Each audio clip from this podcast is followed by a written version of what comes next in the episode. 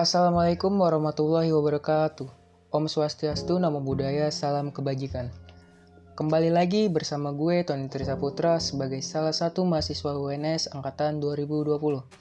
Kali ini gue akan membahas tentang fenomena artis yang turun dalam ranah politik.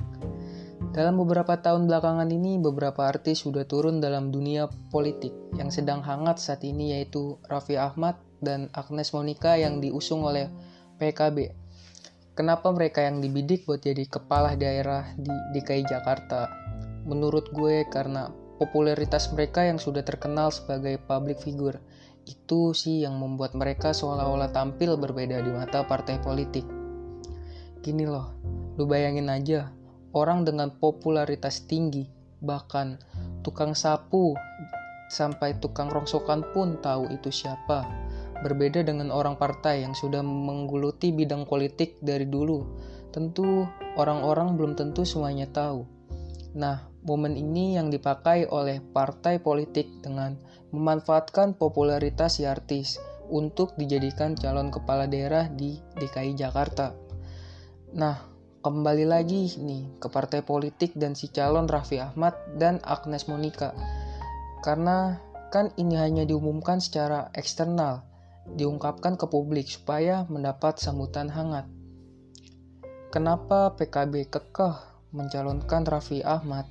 Ya karena menurut gue sendiri sih selebritis yang paling mendapatkan sorotan tuh ya Raffi Ahmad. Kan Raffi Ahmad sudah terpampang di media massa, medsos dan juga pernyataan Pak Lukman Hakim. Salah satu politisi PKB juga yang menyatakan bahwa Raffi Ahmad ini sudah memiliki jiwa pemimpin yang kuat. Di mana saja dia bertemu dengan fansnya, dia mau menyapa, dia mau melakukan kontak interaksi, dan itu kelihatan sangat klasik sih menurut gue alasannya. Karena menurut gue PKB sendiri memang ingin tahu reaksi publik atas calon nama yang mereka usung. Dan tanggapan publik itu seperti apa terhadap pas uh, calon yang mereka usung ini. Bisa jadi PKB ini tidak serius dalam mengusung Raffi Ahmad dan Agnes Monica dan hanya ingin menaikkan popularitas saja di publik. Perlu diketahui juga ya, partai di Indonesia yang religiulitas seperti PKB, P3, dan PKS gua rasa tidak mendapatkan posisi terdepan. Istilahnya sih line pertama dan line kedua. Nah, line pertama itu diisi oleh PDIP, Gerindra, Pan Demokrat, Golkar, yang merupakan partai-partai yang nasionalis gitu. Mereka ini pernah mencicipi menjadi partai mayoritas di Indonesia. Nah, kalau partai-partai Islam itu panjang pemilu setelah reformasi ini, belum pernah ada yang mendapatkan posisi pertama gitu.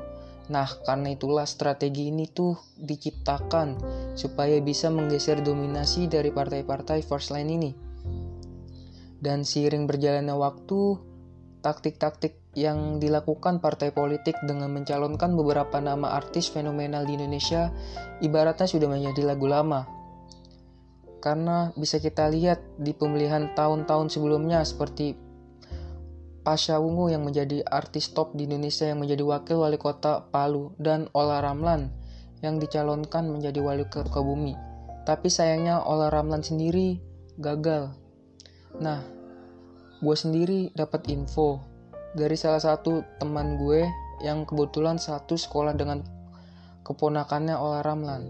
Dia itu dicalonkan menjadi wali kota itu sebenarnya hanya untuk menaikkan pamor partai politik tersebut hingga menggiring opini publik ke dia.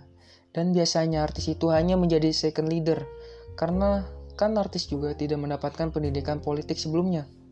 Dan gue rasa sih Artis pun gak tahu seluk-beluk dan dunia politik lebih dalam sehingga mereka mau menerima tawaran dan partai politik dari gua pribadi sih untuk para artis supaya lebih cermat dan jeli dalam menerima tawaran dari partai politik.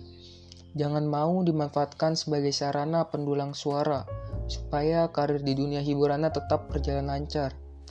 Pesan dari gue pribadi sih yang mendengar podcast ini untuk memilih pemimpin yang baik yang pertama dan yang paling utama adalah kalian harus tahu siapa mereka, latar belakang dia siapa,